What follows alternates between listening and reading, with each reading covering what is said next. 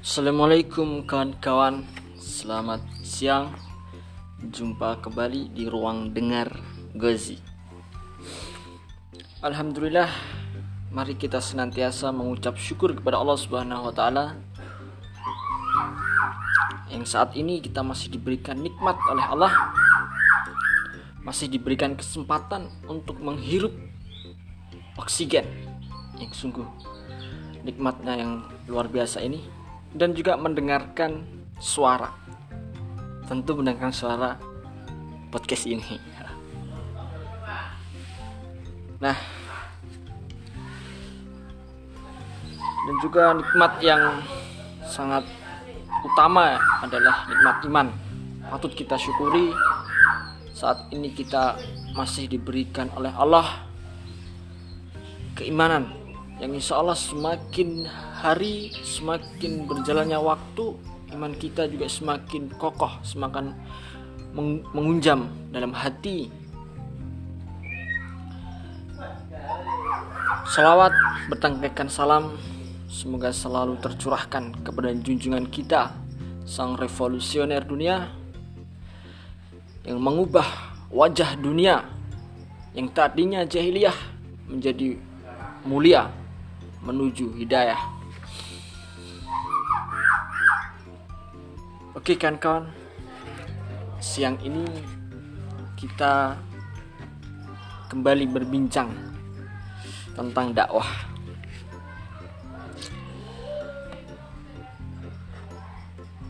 Dakwah mengajak memeluk Islam ditujukan untuk memperbaiki setiap akidah atau kepercayaan ya kan kan menguatkan hubungan dengan Allah Subhanahu wa taala dan menjelaskan kepada masyarakat berbagai pemecahan problematika kehidupannya. Dengan cara ini dakwah akan dinamis dan mencakup seluruh aspek kehidupan.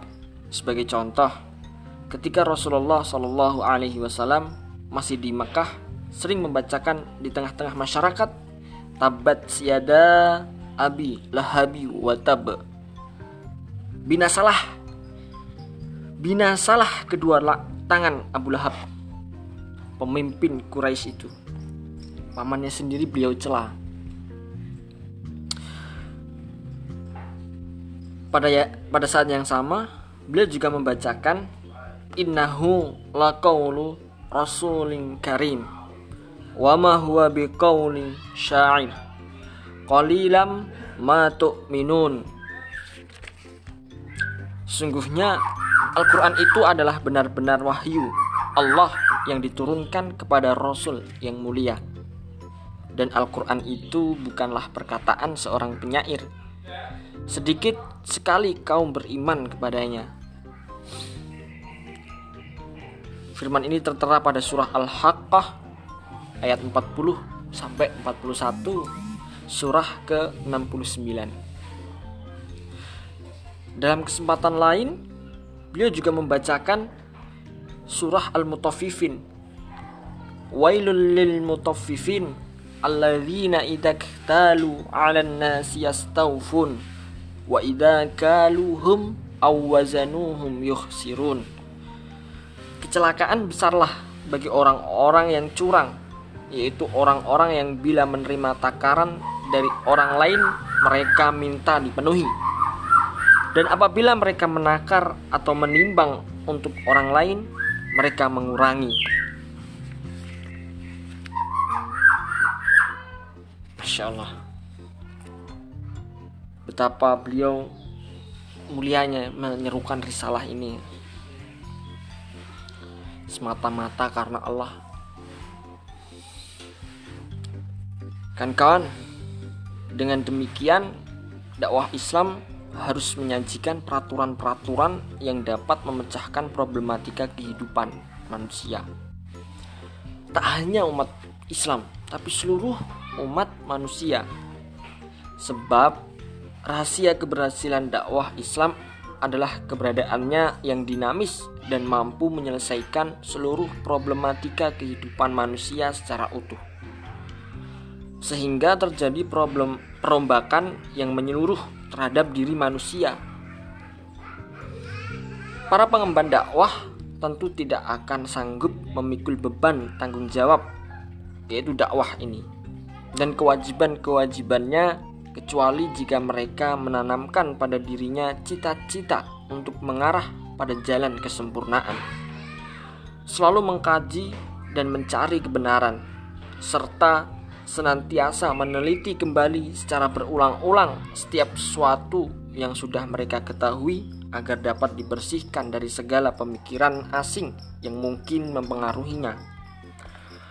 Di samping itu, selalu menjauhkan pemikirannya dari segala sesuatu yang apabila didekati akan menyebabkan pemikirannya terjerumus. Semua ini bertujuan agar ide-ide yang mereka kembangkan tetap murni dan terpelihara. Kemurnian ide adalah satu-satunya jaminan untuk keberhasilan yang terus-menerus. Di samping itu, kawan-kawan, para pengemban dakwah harus menunaikan kewajibannya sebagai sesuatu yang dibebankan Allah di pundak mereka. Mereka melakukannya dengan gembira dan mengharapkan keridhaan Allah. Mereka tidak berharap dari amal perjuangannya itu imbalan dari manusia yang bernilai dunia materialistik. Para pengemban dakwah tidak mengharapkan itu kan kawan. Tidak menunggu ucapan terima kasih dan tidak mencari sesuatu apa pun kecuali keridhaan Allah Subhanahu wa taala.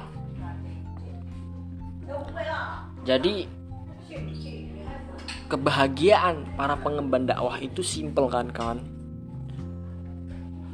bukan memiliki harta melimpah, jabatan mentereng, rupa menawan, istri empat, kendaraan mewah, apalagi kenikmatan-kenikmatan dunia lainnya. Itu bukan tolok ukur kebahagiaan para pengemban dakwah. Terus apa tolak ukurnya atau kebahagiaan itu sendiri dalam hati para pengemban dakwah? kebahagiaan itu ya ridho Allah.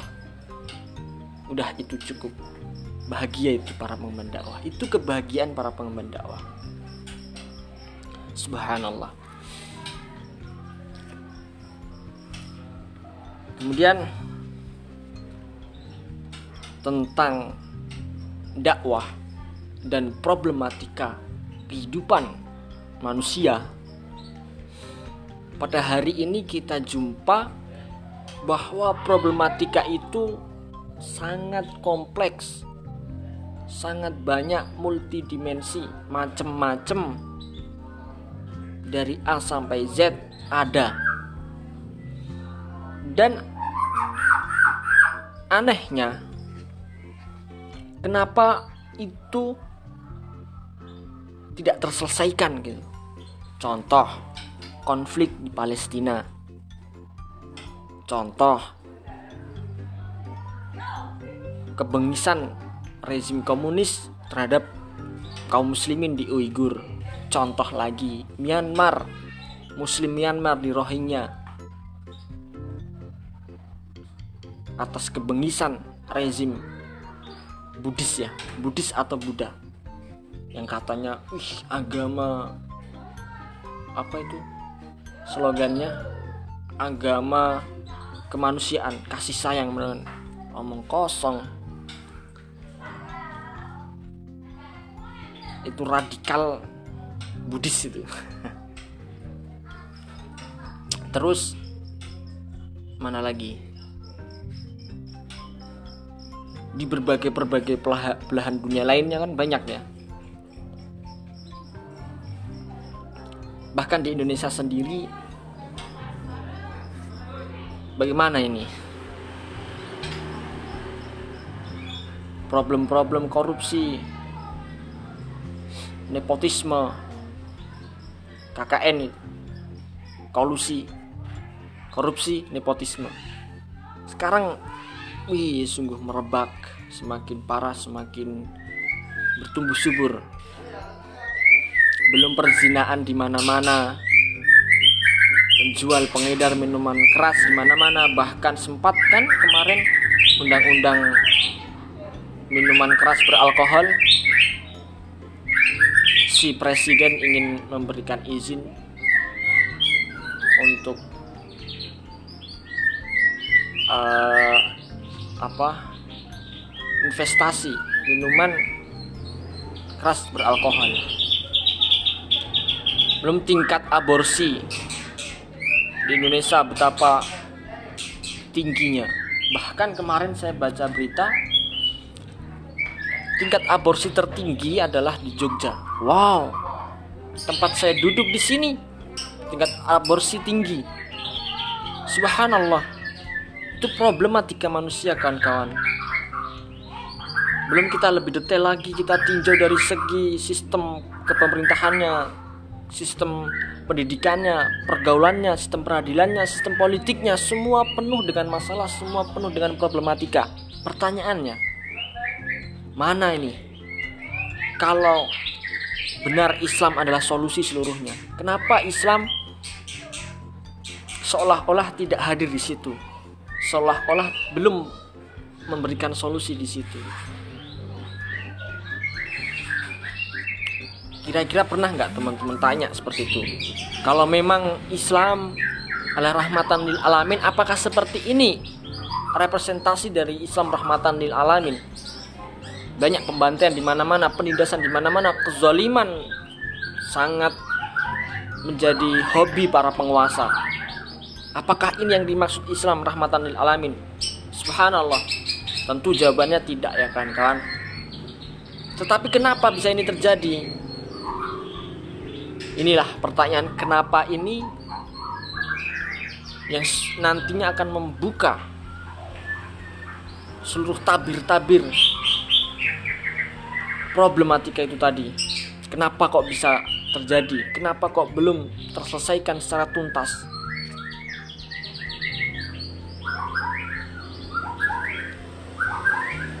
Toh hari ini Islam juga dilarang untuk mengatur negara. Mau tidak mau, fakta itu kita harus akui. Di seluruh belahan negeri-negeri kaum muslimin, di seluruh negara, di mana pun, apa pun itu negaranya, saya katakan dengan penuh keyakinan, Islam tidak dijadikan sebagai sumber dasar negara di negara itu. Semuanya. Itulah kenapa masalah-masalah sekarang belum dapat diberikan solusi secara tuntas oleh Islam yang seolah-olah Islam tidak mampu memberikan solusi di situ yang seolah-olah berbanding terbalik kontradiktif dengan janji Allah bahwa Islam adalah rahmatan lil alamin tetapi kondisi seperti saat ini seperti ini. Itulah kenapa itu bisa terjadi karena Islam tidak dijadikan sebagai dasar negara. Nah, tentu kenapa Islam tidak dijadikan sebagai dasar negara? Perlu kupasan-kupasan tuntas lainnya ya, kupasan-kupasan selanjutnya, kupasan-kupasan kritis, kupasan tajam. Dan apa korelasinya dengan Islam yang tidak diterapkan dalam negara atau menjadi sub, uh, apa dasar negara dengan solusi nanti? dengan terbengkalainya permasalahan hari ini? Apa korelasinya? Nah, itu hadiah saya kawan-kawan, hadiah pertanyaan. Oke, terima kasih kawan-kawan. Jumpa kembali nanti esok hari. Semoga kita masih diberikan kesempatan oleh Allah Subhanahu wa taala untuk bisa ngobrol lagi melalui media podcast ini. Saya mohon maaf apabila ada tutur yang kurang mengenakan di hati dan membuat tidak nyaman kawan-kawan. Al-Fakir Gazi mohon maaf. Sekian dan terima kasih. Wassalamualaikum warahmatullahi wabarakatuh.